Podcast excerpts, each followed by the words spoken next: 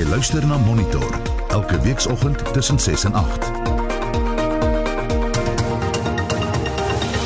In ons program vanoggend ons ontleed die voorlopige uitslae van die tussenverkiesing tussen verkiesings liewer wat gister landwyd gehou is.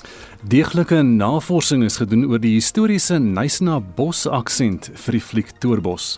Daar's 'n paar baie definitiewe eienskappe aan die aksent wat dit vir my baie maklik gemaak het om te onthou, maar fisies het dit baie vreemd gevoel aanvanklik om myself so te hoor praat. En ons praat met die media kommentator Arthur Goldstuck oor samesweringsteorieë tydens die pandemie. Goeiemôre, ek is Anita Visser. En ek is Gustaf Greiling. Welkom by Monitor. Stemmery het gister glad verloop by die vyf stemlokale in die JB Marks munisipaliteit op Potchefstroom. Tussenverkiesings is in 3 weke gehou na die dood van sommige raadslede. Tussenverkiesings moes vroeër vanjaar uitgestel word weens die COVID-19 pandemie. Vincent Mofokeng het die besonderhede. In die JB Marks munisipaliteit in Potchefstroom is daar tussenverkiesings in 3 weke gehou wat deur die ANC, DA EFF, VF+ en 'n onafhanklike kandidaat betwis is. Politieke partye wil graag wijk 5 wat in Potchefstroom se middestad geleë is wen. Die wijk het voorheen aan die DA behoort. Die verkiesingskommissie sê hy is tevrede met die verloop van die tussenverkiesings. Die provinsiale verkiesingshoof, Dr. Tumelo Entle Tiba. As some people have said, this is a dry run for 2021, and all our 15 voting stations opened on time without any hassles. We had access to all venues without any incident. So far, we're happy, and there is a lot of interest shown. I'm hoping for a decent 25%, 30% voter turnout today. Sommige kiesers sê dat hulle vir verandering gestem het. I have stayed a long time in, in Potch. If you look at the town, the road is not uh, very well. So I have vote so that we can have a better Potch. Uh, I mean, if you drive around in Potchefstroom, you will see uh, all the, the grass is long and the, you know, it's just not uh, a, a nice looking town anymore. We moved here 17 years ago. This was a superb town, very neat and tidy. Inwoners van die nabygeleë Ikageng hoop ook op werklike verandering nadat hulle vir hul voorkeurkandidaate gestem het. Hulle sê daar is groot probleme met dienslewering soos die gebrek aan voldoende water en kragvoorsiening. I voted at Chris Hani Hall because all I want is the change. The party that is going to take the votes for today, they have to come with a big difference because our streets are not good. I casted my vote because I want change. We do have a lot of complaints at the JB Max. Intussen glo die politieke ontleder van Noordwes Universiteit, professor Andrei Duvenage dat die uitslag vir hierdie tussenverkiesings die politieke samestelling van die raad kan verander. Ons werk hier met 'n scenario van 34 uh setels in die raad teenoor 33 en hier is tans 3 tussenverkiesings. So die moment as die ANC sy twee tussenverkiesings sou verloor, is hier 'n meerderheid vir oppositiepartye teenoor die ANC. Indien die ANC een sou verloor, dan sit ons met 'n sogenaamde hang parlement scenario waar alles gelyk is en dan sal ons moet werk na forme van koalisies toe. Intussen wag inwoners vir die uitslaa. Die verslag van Patrick Tintoa in Potchefstroom. Ek is Vincent Mofokeng vir SAK nuus. En is nou 14 minute oor 7 uur by Monitor op RSG en vir meer oor die verloop van gister se tussenverkiesings, die grootste aantal nog ooit in die geskiedenis van Suid-Afrika, praat ons vanoggend met die joernalis en politieke kommentator Jan Jan Jubber. Jan Jan, goeiemôre.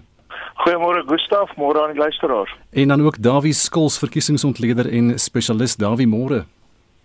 Môre Gustaf. So Jan Jan, jy het nou gister voorspel die wyke waar die ANC die meeste te vrees het uh van die EFF is Winnie Mandela Park in Ekurhuleni aan die oosrand teen Gauteng. Daar's 'n Polokwane wyk 14 tussen New Pietersburg en Seshego en Rustenburg wyk 2 van Chaneng tot by Sun City. Hoe die sake toe nou op die ouend daar verloop? Wel, um luisteraars sal geïnteresseerd wees om te weet dat dit 'n rampspoedige aand was vir die EFF. Hulle het nie enkele van daai wyke gewen nie en hulle trouens oral teruggesak. Die ANC het gegroei in daardie wyke waar daar verwag is dat hulle ontsetel kon word. So wat daai aanbetref, 'n baie slegte aand vir die EFF eintlik landwyd. Die EFF kon nie enkele wyk wen nie. Hoekom? Wel, dit sal mens moet kyk, jy weet die verhaal van um van plaaslike verkiesings veral wat so wyd versprei is, is dis eintlik 95 um enkele verhale van mense en en van individue van 600 000 mense wat moes besluit gaan ek stem en indien wel vir wie. Um mense moet sien, kyk die EFF het gebou aan sy aan sy um momentum met sy huidige gewelddadige optrede onder meer in Brackenfell ook by Clicks ensovoort, maar dit het duidelik nie vir hulle vrugte afgewerk nie. Davie, was daar vir jou enige groot verrassings? Ek dink die baie groot verrassing van die aand Anita Anita die enigste groot verskywing wat ek net sou verskyk is dat die DA baie groot afslag het gister. Ehm um, so ek dink die ANC en EFF syfers is relatief stabiel. Die EFF is dalk soos jy net 'n bietjie af hier en daar, maar ek dink daardie syfers is nie is nie vir my 'n groot verrassing nie. Maar die DA syfers is regtig, ek dink baie skrikwekkend vir van die DA perspektief af. Ehm um, as jy kyk na nou die Weskaap waar die DA 10 wyke ehm um, in deelgeneem het, Hulle het meer as 10% af in 8 van daardie 10 wyke. Het in George het hulle byvoorbeeld in 4 wyke deelgeneem en wyk 8 het hulle 19 persentasiepunte af. In wyk 14 is dit 20 persentasiepunte af en wyk 17 is hulle 25 af en wyk 27 is hulle 18 af. En die storie gaan voort. So dit is dis net in die Weskaap as jy kyk na die Noord-Kaap is is dit dieselfde situasie um, met 5 tot 15 persentasiepunte af in meeste bruin gebiede in die Noord-Kaap. En dan is hy het ja ook nie verskriklik aan baie ehm um, van oorwegend uh, swart gebiede spesifiek in Johannesburg gister nie behalwe in eh uh, Pokwane wat ek dink 10 wyke is in in die landelike Noord-Kaap en daar is omtrent helfte van die swart stemme afgestaan. So dat min gehad het om te begin, so sê vir 7% van die swart stemme daardie wyke maar dit af na 2 of 3% punte toe. Ehm um, en ek dink dan die ander ehm um, baie belangrike ontwikkeling is ook in die suide van Johannesburg in die ehm um, soos Nasie ehm um, wat dat dit drein en Indiër kiesers oorwegend is. En die DA 3 3 van hulle vier wyke wat hulle daar ehm um, uh, in deelgeneem het verloor en dit ook met 20 tot 30 persentasiepunte af in elkeen van daardie wyke. Ehm um, en dan ek dink wat jy dan nou net oor gepraat het wat in Potchefstroom, uh, daar was nie verskriklik baie wyke onder weet Afrikaanse kiesers wat die DA aan die Vryheidsfront plus teen mekaar opgegaan het nie. Daar was een voorbeeld daarvan wat in Potchefstroom was waar die Vryheidsfront plus ek dink 20% punte gegroei het en die DA met meer as 20% punte gedaal het en die byt afgestaan het aan um, aan die Vryheidsfront plus. So ek sien drie baie problematiese tendense by die DA in die in die uitslag. Die een is onder brandkieters in Gauteng, die Noord-Kaap en die Wes-Kaap groot daling vir die DA. Ehm um, die bietjie inderkieters wat ons gister kon sien ook daling vir die DA. Uh swart kieters nie groot hoeveelheid kieters om uh, steekpunt nie, maar die wat ons wel sien lyk omtrent as 'n halvering vir die DA. Um, en dan ook onder wit Afrikaanse kiesers, weer eens net een wijk, so nie groot steekpunt nie, maar die een wijk wat ons het, het die DA nog verder as 20% verloor en 'n wijk afgestaan in Suid-Afrika. So ek dink regtig 'n baie skrikwekkende aand vir die DA gesoor. Jan Jan, wat maak 'n mens van die vertoning van die DA nou? Want voor die tyd het jy gedink die, die druk op die DA is in Johannesburg en daardie drie wyke, maar dis 'n baie groter probleem. Ja, die DA het eintlik 'n bietjie meer sukses behaal as dit. Um hulle het darm um 15 wyke gewen en dit sluit um oorwegend wit-Afrikaanse wyke in onder meer in Sekunda met 95% van die stem en dan ook in Witbank en Malasleni het hulle daardie wyk behou wat ons gisteraand op gefokus het in die televisieprogram. Um so um dit die DA het 'n bietjie van 'n gemengde uh, allegaartjie uitslaa waaroor hulle die blyste sal wees sal die wijk wees in Allewal Noord wat hulle afgeneem het by die ANC dis Allewal Noord en Jamestown se uh, luisteraars julle word wakker in 'n blou wijk waar julle in 'n groen wijk was. En dan ek dink die DA sal tevrede wees met sy uitslaa in Nysna waar hy albei wyke met groot meerderhede behou het en die Parel waar hulle teruggesak het en die Vryheidsfront 'n goeie vertoning gelewer het maar so absoluut oorweldigende oorwinning vir die DA in die Parel. In Saldanha Bay, uh DA baie moeilike wijk behou in Lowville. Uh en dan in George, soos um Dawie gesê het, vier wyke, al vier DA wyke. Dis al vier oorwegend bruin wyke en hulle het drie van die vier behou. Dan in KwaZulu-Natal goed gegaan met hulle in uh, Pietermaritzburg, in Durban en in Margate. Inkatha baie goeie aand gehad. Hulle neem 'n wijk af by die ANC in Kandra behou al 5 die wyke wat hulle verdedig het en dan um dink ek die ANC sal tevrede wees veral met sy vertonings in die Oos-Kaap. Baie baie sterker vertonings veral in die Transkei, maar ook in die Oos-Kaapse platteland met die uitsondering van Allewil Noord. En ja, um ek dink almal sal iets sê om van terug te uh, vat huis toe. Ek dink wat ook interessant is is die verbrokkeling van die breinstem in alle rigtings. Um en en daar wie het verwys na die uitslae in Naas. Ja, daar's natuurlik ook die uitslag in Riverlea waar die Patriotic Alliance, dis 'n tipe nasionalistiese breinparty sy eerste wijk gewen het en Al Jamaah, die um die um, Moslimparty het een van die Lenasia wyke by die DA afgeneem. Maar ja, 'n totaal gemengde hoeveelheid uitslae en ek dink ons ons grootste ding om wat ons hier wys geword het is dat ons groter duidelikheid het as tevore. So Jan Jan is um is John Steenhuisen en Helen hulle is hulle bekommerd vanmôre oor die steen van die breinkiesers en van die konservatiewe wit Afrikaanse kiesers. Um ek dink meer so oor die breinkiesers, hmm. maar ek dink ook verlig dat hulle die water die drif getrek het. Soos ek sê, daai uitslag in Witbank was eintlik of Emela sê nie wat Rhino Riff en Spring Valley is. Dis eintlik 'n baie goeie uitslag vir die deel hoewel hulle teruggesak het. Ek dink daar's wyd verwag dat die Vryheidsfront daai wijk kon neem. Hulle het nie daarin geslaag nie. Dit is 'n klein meerderheid wat die DA behaal het, maar ek dink hulle sal omvat. En dan um, waar hulle wel nogal 'n groot nederlaag gelei het en ek dink waar mense sal moet gaan mooi kyk is by die Hartbeespoortdam waar hulle maar die Bengweg 29 dis Britse hmm. uh, munisipaliteit verloor het. So ja, dis dis 'n redelike gemengde pakkie. Um of sou waarskynlik moet wag daar's nog twee uitslae uitstaande en die een hou ek fyn dop. Dis op Smithfield. Dis Mohokari wijk 3. Dis die um dis die suid Vrystaat ja. en daai uitslag is nog nie uit nie en dan sal nog een uitstaande in daai munisipaliteit waarna Dawie verwys het, dis die Pokwani munisipaliteit op Hartswater. As jy pas by ons aangesluit het en wonder waaroor ons praat, dit is gister se tussenverkiesings, die meeste wat nog ooit op een dag of in een dag in Suid-Afrika gehou is. Dawie beide uh, of albei jy en uh, Jan Jan het verwys na die feit dat die DA bruin kiesers verloor het. Hoekom? Ek dink dit is 'n komplekse vraag, mens sal ordentlike navorsing daaroor doen. Maar ek dink die ehm um, die een eh uh, hypothese wat ek sou hê, ehm um, is dat die die onlangse leierskapstryd in die DA en ook die eh uh, ek dink gesprekke rondom ekonomiese beleid ehm um, en die uh, ek dink relatiewe regswaartse beweging van die party in, in hulle ekonomiese beleid ehm um, het 'n potensiële impak. Um, maar ek dink ook net dis vir 'n baie lang periode van tyd waar die DA nie 'n verskriklike duidelike ehm um, boodskap uh, aan die kiesers oordra nie en ek dink op 'n effektiewe manier oordra aan die kiesers. En ek dink oor tyd maak dit ook uh, 'n uh, party seer. So wat die kort antwoord is ons weet nie reg nie. Dat dan daarvoor gedoen word daaroor. Ehm um, en ons kan natuurlik daarom spekuleer. Ehm um, my spekulasie is dat die DA uh, uh verkiesingsboodskap en strategie nodig het en dit moet begin kommunikeer um, wat ek dink hulle in 'n lang tyd nie gedoen het nie. Jan Jan, wat gaan aan in die Johannesburgse metro? Is hierdie die eerste tussenverkiesings sedert Herman Mashaba weg is? Ehm um, nee, hmm. maar dit is die eerste ehm um, groot groep verkiesings en dis die eerste keer dat die DA getoets word in Johannesburg. Hmm. En wat ek dink gebeur het daarso ehm um, is dat die soos ek sê die brein en indeerstem met heeltemal verbrokkel in alle rigtings. Dis nie asof die ANC beter gedoen het onder breinkiesers nie. Um maar wat hier gebeur is um klein partye wat wat nou beter word en in die Weskaap is daardie party goed. Dit is um Patricia de Lille se party en is hulle wat die wijk afgeneem het by die DA in Pakkelsdorp George uh en baie naby gekom het in Lowville daar by Vredenburg.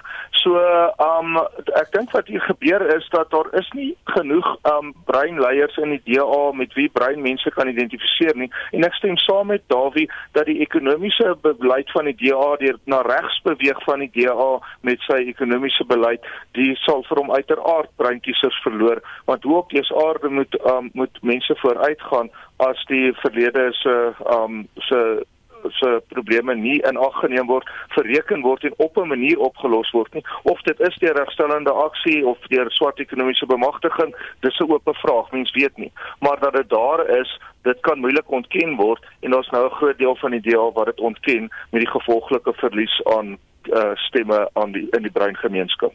Dawie sê vir my, dink jy hierdie tendense gaan voortduur? Ja, uh, ek ek, ek dink tensy iets ernstig verander, die steekproef is regtig enorm groot. Daar's honderde duisende kiesers waarvan ons nou praat. Ehm hmm. um, en uh, Jan Jan het op baie verkiesings gekyk, ek het op baie verkiesings gekyk en as jy 'n steekproef op verkiesingsaand van 100 of 200 of 300 000 kiesers se menings in het, dan is dit gewoonlik 'n 'n baie duidelike rigtingaanwyser van tendense. So, ehm um, die steekproef is verseker groot genoeg om te sê dat indien ons 'n landbouverkiesing môre sou hê, ek dink dieselfde tendense sou plaasvind. Ehm um, of dit nou oor 6 maande of 9 maande of 12 maande of wanneer dit al volgende verkiesing gaan wees, ehm um, homself gaan herhaal dink ek is meer van 'n oop vraag oor die aksiesake van die partye is nou tyd om te reageer op hierdie uitslae en om dit strategie te implementeer. Uh maar as die verkiesing binnekort gehou sou word, dink ek voorspel dit regtig groot moontlikheid vir die DA um as hulle nie dringend ingryp nie. So so ek dink die antwoord dan is as die tekens is goed genoeg om te sê dit is ernstige tendens hierdie. Um maar daar is tyd en ek dink die DA sal baie met dink oor wat hulle moet uitvoer tussen nou en volgende verkiesing. Mm. Dis 'n interessante ding uh, Jan Jan wat Dawie daar sê daar is tyd. Wat is jou reaksie op daai kommentaar? Ja, natuurlik. Ek meen ek stem saam met alles wat Dawie nou gesê het en dit is dat um nou gaan hierdie partye moet gaan sit en uitwerk waarom het dit vir my goed of sleg gegaan? En waarom het ek kandidate gestel in sommige plekke en in sommige plekke nie? As ek die uh, ja was ek gewonder hoekom het ek nie 'n kandidaat gestel in die tussenskiesing in Pofadder nie? Um dis al by Aggenhuis en dan um die um wat die wat die Vryheidsfront Plus aan betref dat hulle miskien hulle tone bietjie meer gereeld in die water moet druk as hulle genoeg geld het om dit te doen. Onthou ook dat in 'n land waar jy 'n munisipale verkiesing word die groter partye juis bevoordeel omdat hulle baie meer hulpbronne en geld hmm. het. So as jy 'n klein party is, dan kan jy sê nou maar jy is die Vryheidsfront Plus en jy neem 'n Noordwes net deel in sê nou maar Potchefstroom by 5, dis daar los, lo, rondom die laerskool en Malfik. Dan kan jy jou hele Noordwes organisasie daar sit. Maar in die volgende verkiesing is jy baie dunner versprei. So ja, hier is belangrike tendense. Ja, die DA weet mos nou al lankal wat die probleme is, maar hulle kies om regs te gaan. Dis hulle keuse. As hulle wil regs gaan, dis wat gaan gebeur. En as hulle wil links gaan, dan sal dalk 'n ander storie. So mense moet sien wat gaan vir wat. Ehm um, wat waar is is dat die twee groot partye steeds baie ver uit die grootste hoeveelheid stemme trek. 'n Mens fokus altyd in uitslae op die veranderings, maar in totaliteit, ek het nog nie al die syfers kon optel nie, dis net te veel. Maar ehm um, maar in totaliteit die groot partye nog steeds by verre die meeste stemme gekry. Slegte slegte aand vir die EFF soos wat ek sê, baie belangrike ding daai. En um, hulle sal definitief baie baie lank en hard moet gaan dink. Dawie, was daar groot skuwe in die swart steen gewees? Jan het vroeër gesê die ANC het nie veel beter gedoen in Johannesburg nie. Ehm um, ek ek sou regtig moet kyk. So ongelukkig is die dis Jan Jan sê daar's 'n absolute ton data waarom se deur gaan as ek het so vinnig gekyk en dit lyk vir my asof daar relatiewe stabiliteit is. So die ANC bly dominant, jy weet in meeste van hierdie ehm um, oorwegende swart wyke in in die veral in die noorde van die land by die ANC lyk asof dit in die in die reeks van 75 tot 85% van die stem kry wat in meeste gevalle stabiel of op is. Ehm um, ek dink ek moet kyk hoe dit in die EFF lyk, maar met so vinnig gekyk het lyk dit vir asof hulle sosiale glad nie wyke wen nie.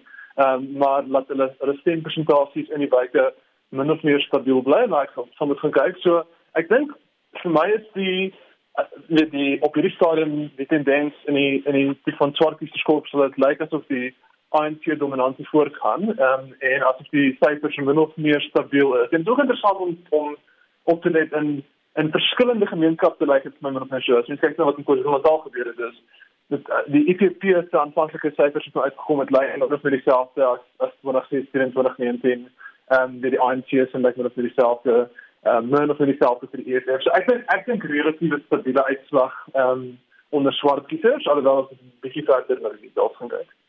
Baie dankie meneere, dit dan Dawie Skols en Jan Jan Jouber. Jy luister na Monitor elke weekoggend tussen 6 en 8. Dit is amper 08:30 in die nuus. President Cyril Ramaphosa het aangekondig dat die internasionale farmaseutiese maatskappy Johnson & Johnson 'n ooreenkoms met 'n Suid-Afrikaanse maatskappy gesluit het om sy kandidaat-enstof te vervaardig. 'n Aktrise in die rolprent Toerbos praat oor hoe sy die Nysna Bos aksent moes aanleer vir die rol. As ek gevoel het die aksent is nou nie meer so lekker in my mond nie dan het ek ge jene jy julle jene jy julle en naderhand het almal op stel begin jene jy julle En die EFF sê die sekretaris-generaal van die ANC, Ys Magashule, moet aanspreeklik gehou word vir sy optrede. Bly by ons. Is dit of hoe lyk dit terugvoer? Gustaf, kom ons luister net gou eers wat van ons luisteraars te sê het. Ons is van Pietermaritzburg af en ons het gegaan om te gaan stem. Toe ons die registrasie besig mee was, 'n paar maande terug, het ek ge-SMS en bevestig ja, ons is geregistreer by die regte stemlokaal. Daar gekom gister en ons is skielik glad nie geregistreer om te stem nie, maar ons stem al vir die laaste paar jaar by dieselfde stemlokaal en ons bly in dieselfde area. Was onaangenaam. Dit is Steven Estreisen van Kempton Park. Ek weet nie of dit 'n baie goeie idee was dat die president aangekondig het dat alle internasionale grense oopgestel gaan word nie. sien hulle dat daar 'n tweede vlag uh, in die Europese lande en Amerika is. Ons wil juis waak teen 'n tweede vlag. Dit bekommer my bietjie dat hulle uh, al die grense internasionale grense gaan oopstel.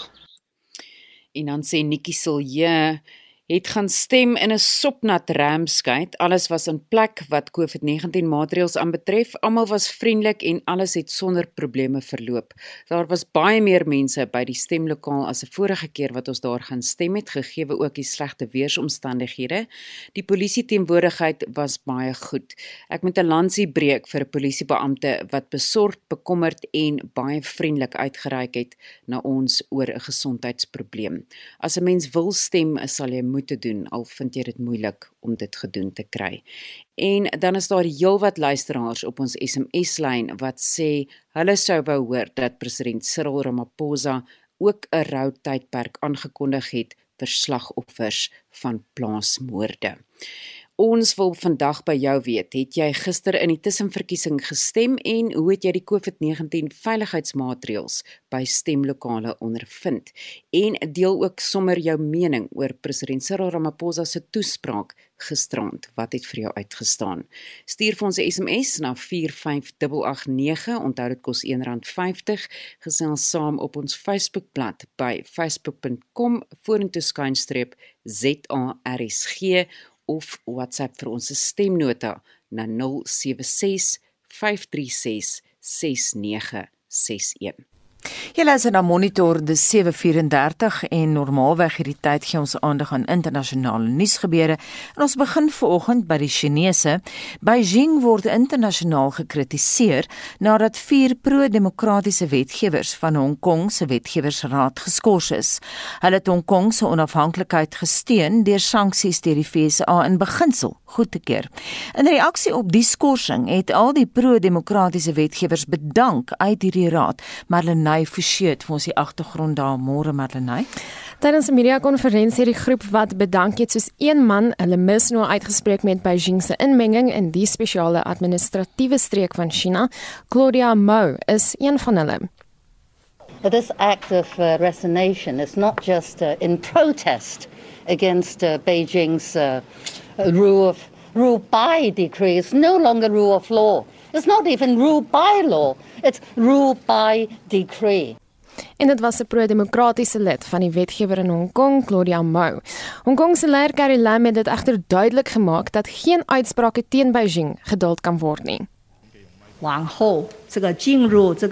From now on, every lawmaker must support the basic law of Hong Kong and be loyal to the People's Republic of China in order to build a political system dominated by patriots.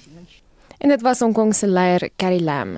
En dan verskuif ons die aandag na Libië waar 'n demokratiese verkiesing moontlik oor 'n jaar en 'n half op die kaarte is. Die waarnemende VN-gesant vir hierdie land, Stephanie Williams, sê strydende partye het 'n tydelike ooreenkoms onderteken oor die pad vorentoe. Die huidige burgeroorlog in die land het in 2014 begin en 'n voormalige VN-gesant in die verband, Jonathan Weiner, sê hy is versigtig optimisties oor die jongse verwikkelinge. Hy sê styt dat inwoners hulle eie leiers kan kies, maar dat strydende groepe en die internasionale gemeenskap hulle kant moet bring. It has not helped Libya to have foreign countries supporting various clients and giving them weapons and fomenting civil war for advantage, for regional advantage. And when the foreigners tell their clients, you need to deal, you need to reach an agreement, then deals become possible. Uh, Libyans also um, need to put aside personal ambitions and uh, their desire to bring home more uh, for their little local group uh, to realize that Libya has enough wealth from oil to share so that every Libyan can be made better off by peace. Uh, elections are the way to go and provide a tremendous opportunity for the country to move beyond the chaos of the last years. En daar was 'n voormalige VN-gesant vir Libië, Jonathan Weiner. En ons sluit wêreldnuus af met die jongste gebeure in die FSA. Die nuutverkose president, Joe Biden, het Ron Klein, sy voormalige raadgewer, nou aangestel as die volgende personeelhoof in die Withuis. Klein en Biden het al saamgewerk toe Biden adjunk president was in die Obama administrasie. Nou Klein het veral goeie werk gedoen as raadgewer tydens die Ebola-uitbreking. Die hoop is nou dat hy die ervaring gaan gebruik om die FSA weer in die regte koers te help stuur in die stryd teen COVID-19. Amerika is die land in die wêreld wat die ergste getref word deur die COVID-19 virus en staan nou op 'n gemiddelde daaglikse sterfsyfer van 900. En dit was Marlenae Forsie wat jou op hoogte gebring het van internasionale nuusgebeure. Dis nou so 22 minute voor 8 uur by Monitor op RSG en die media kommentator, IT-spesialis en skrywer Arthur Goldstock dryf lekker die spot met sy landgenote se goedgelowigheid in boeke soos The Leopard and the Luggage en The Burglar in the Bin Bag. Die gevolg van die onvermoë tot kritiese denke is 'n sogenaamde moderne mites, beter bekend as urban legends. Nou COVID-19 is die ideale teelaarde vir hierdie soort leuns wat oor die koronavirus versprei word. Trouwens, Goldstock sê 2020 was 'n guldige geleentheid om die verspreiding van die dwaalstories te moniteer. En ons praat ver oggend met hom. Goeiemôre Arthur. Goeiemôre Anita, môre Gustav. Môre. Arthur, net om te begin, wat was die eerste mites in Maart al oor corona? Jy moniteer dit nou al die hele jaar. Uh, ja, dankie. Ek sal in Engels antwoord as uh, uh, die luisteraars nie omgee nie. Gaan voort. Um, the biggest urban legend and and conspiracy theory, and the two came together in March, was that COVID nineteen was being spread by five G masts. That's the next generation of wireless connectivity. We've got 3G in South Africa and a kind of 4G that reaches almost whole population. And 5G is on its way. Very small groups of 5G um, masts have been put up so far. And around the world, that's also the case. But very, very quickly, the conspiracy theorists, the people who believe in Samoswering, uh, said that 5G was actually causing the spread of COVID 19. what was great about that one was that you could very quickly disprove it by showing the map of where 5G had been rolled out and the map of where COVID 19 was being spread. Because China was one of the world leaders in 5G rollout and it started there, that helped to spread the, the rumor. But governments didn't wake up to the fact that this story was uh, gaining ground. And that resulted in it being widely believed, even if you could instantly disprove it. Arthur, die ander naam wat opgekom het was natuurlik Bill Gates. Baie mense het glad nie van hom gehou nie. Ja, Bill uh, Bill Gates uh, blykbaar uh, is deel van die sameswering. The theory is that he is using uh, COVID-19 to get everyone to take a vaccine mm. that will allow them to have microchips inserted in them.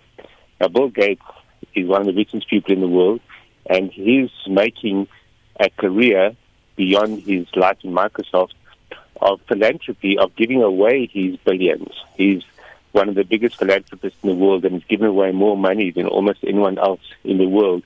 Yet people believe that he's trying to make more money by creating this panic.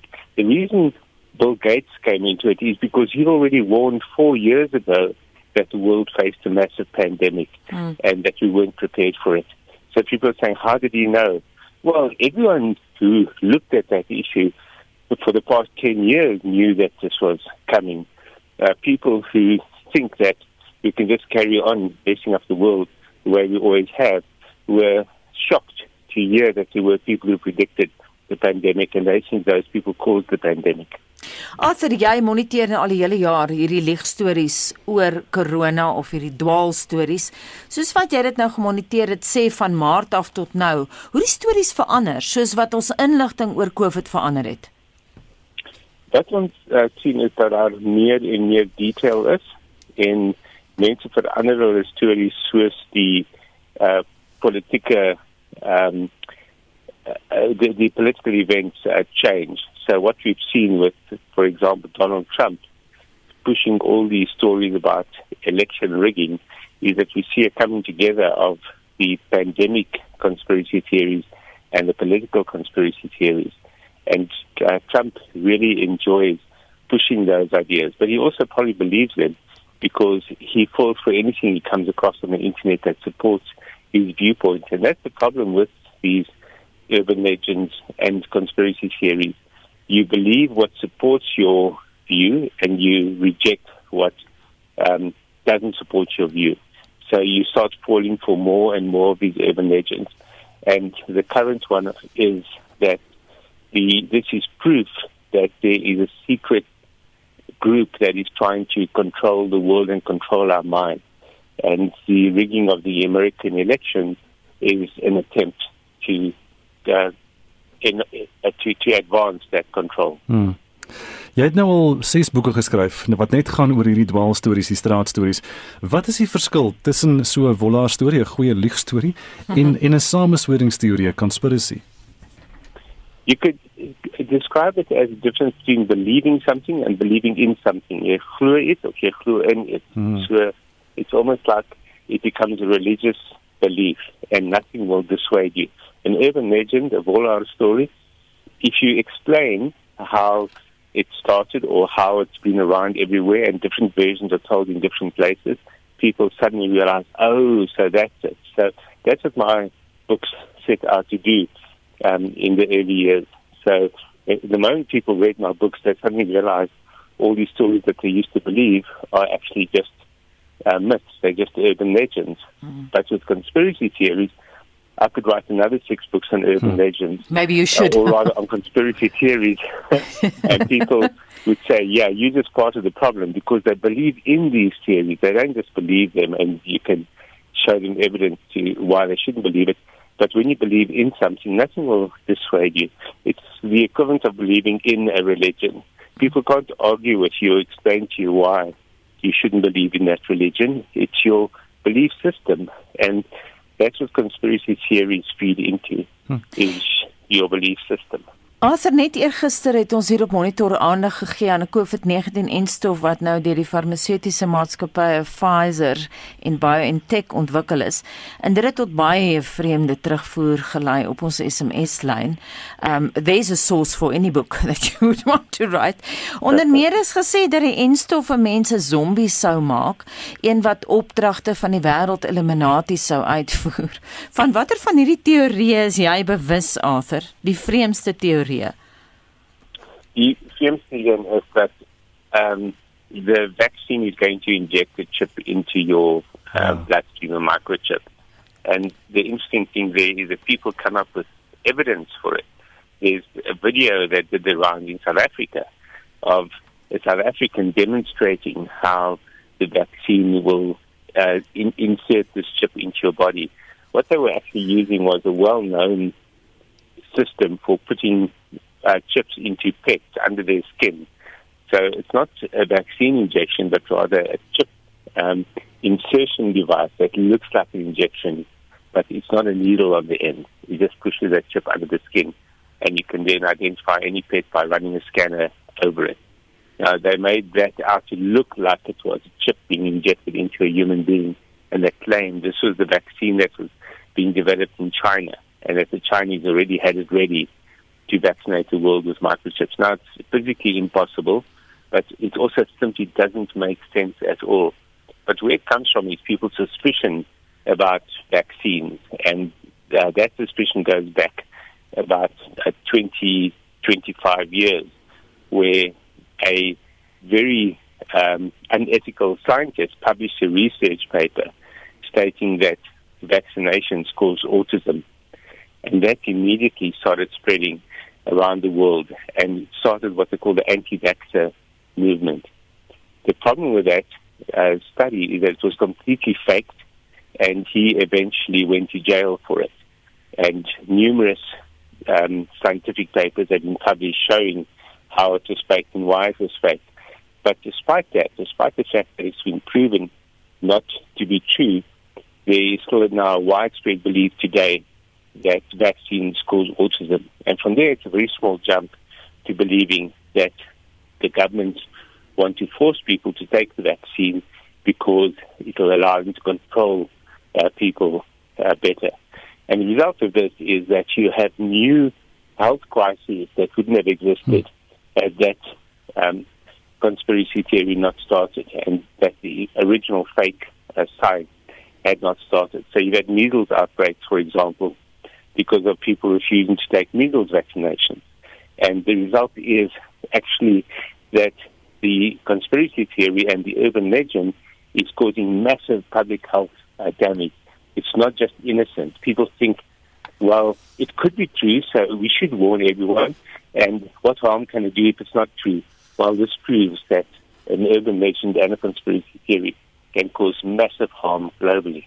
Dis baie interessant jy praat so van die gevolge van so 'n teorie en hoe gevaarlik dit kan wees want mense dink baie keer ag daar kan nie te veel mense wees wat nou so glo nie. Maar as jy kyk na Amerika, uh, daar's nou 70 miljoen mense het vir Donald Trump gestem, baie van hulle um, is is 'n paar dae terug, so twee dae terug, het van daai verregse media begin om boodskappe uit te stuur wat sê Joe Biden het nou sy meerderheid in Pennsylvania verloor, hy is nou nie meer voor in die electoral college nie, hy is nou nie meer president-elek nie. So totale leuen gewees, maar 'n klomp mense glo dit. So as as dit so op so groot skaal is, hoe gevaarlik kan dit raak?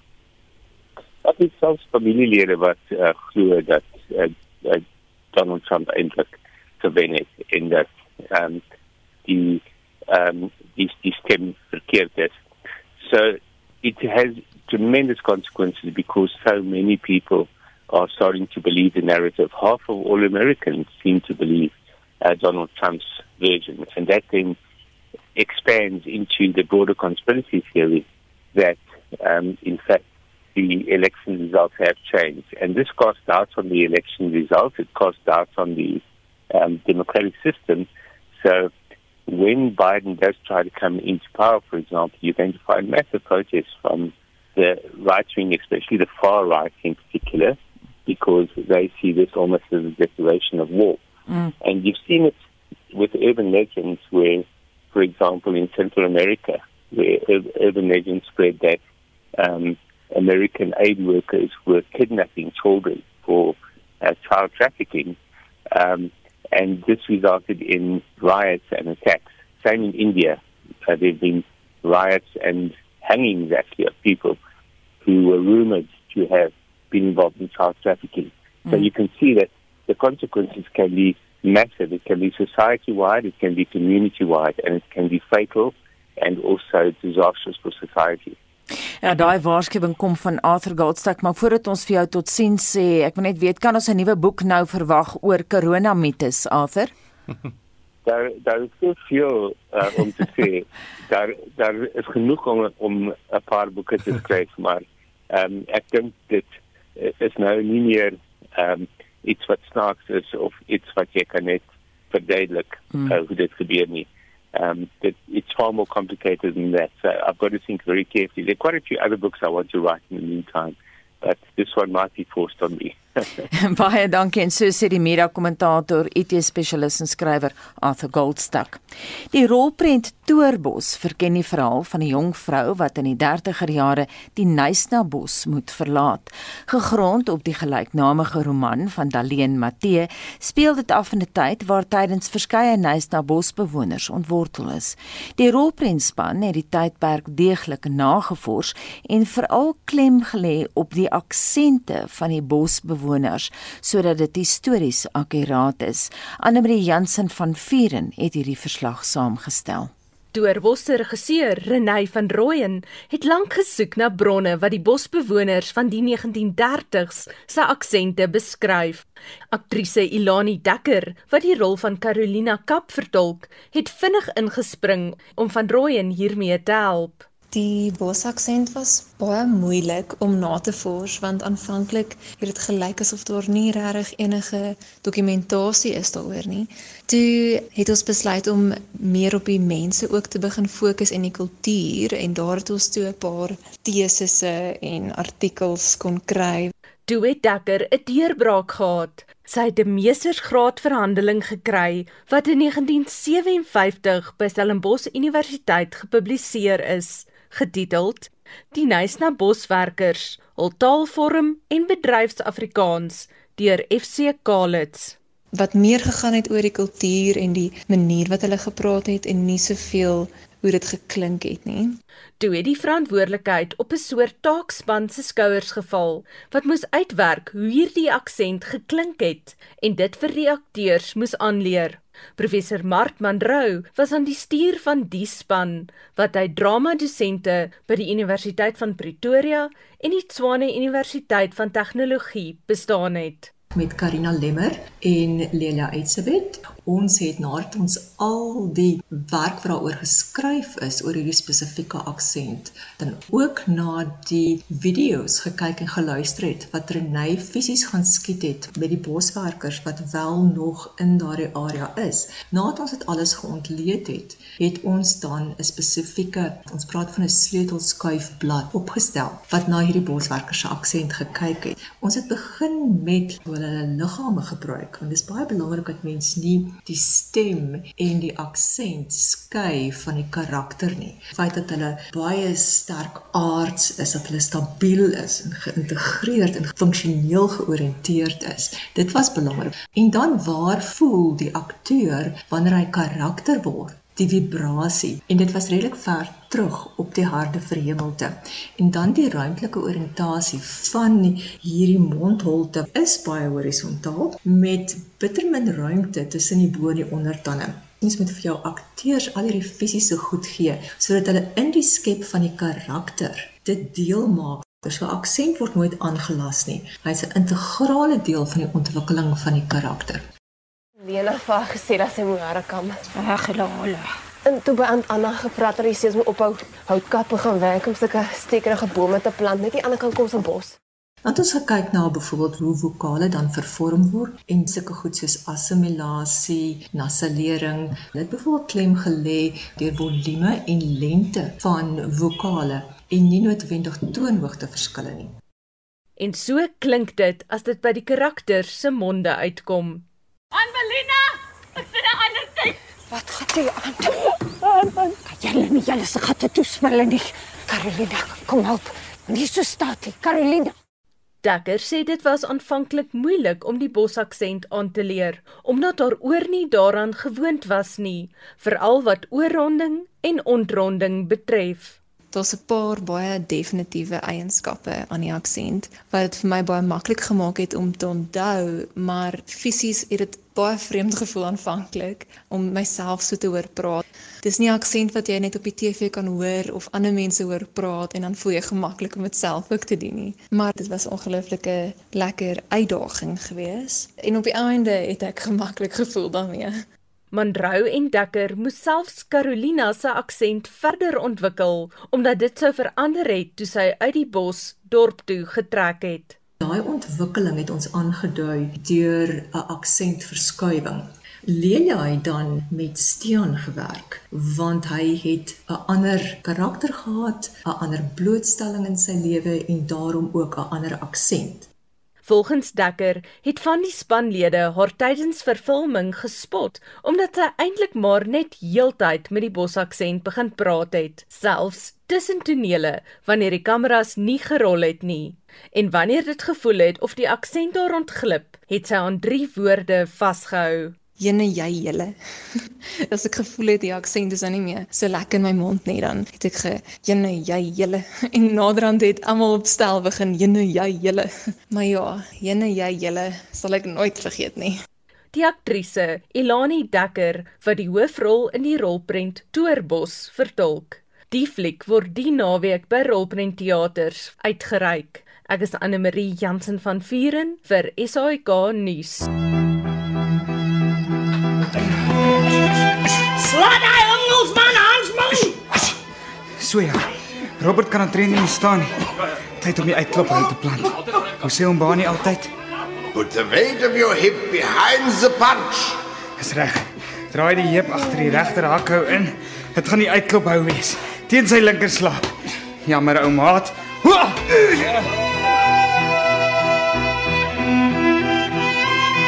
Luister elke weekmiddag om kwart voor 3 na Die Wilde Drui Val deur Pia Nortjee vir RSG verwerk deur Eben Kruiwagen.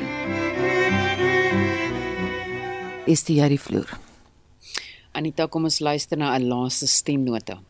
Die president se speech was nice.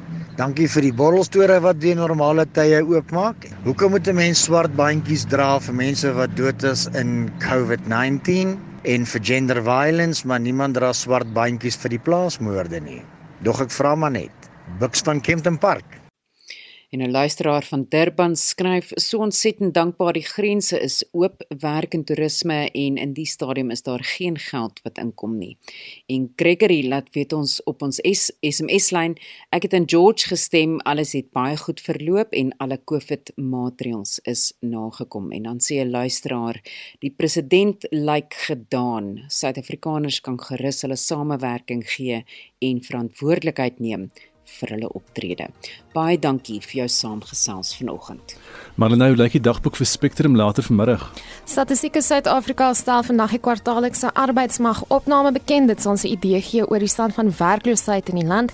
Die Sonderkommissie hervat in Johannesburg. Die COVID-19 inperkingsregulasies word verder verslap saam met die belofte dat alles gedoen word om 'n enstof spoedig aan die kontinent toeganklik te maak. Skakel in tussen 1 en 2. En daarmee groet ons namens ons waarnemende uitvoerende regisseur Hendrik Martin, die redakteur vir oggend Jean Esterhuizen, ons produksieregisseur Lewona Bekes en my naam is Anita Visser. Bly ingeskakel hier by RSG want volgende is dit praat saam net na die 8 uur nuus met Lenet Fransis Spuren. Ek is Gustaf Vreiling en monitor groet dan tot môreoggend weer om 6.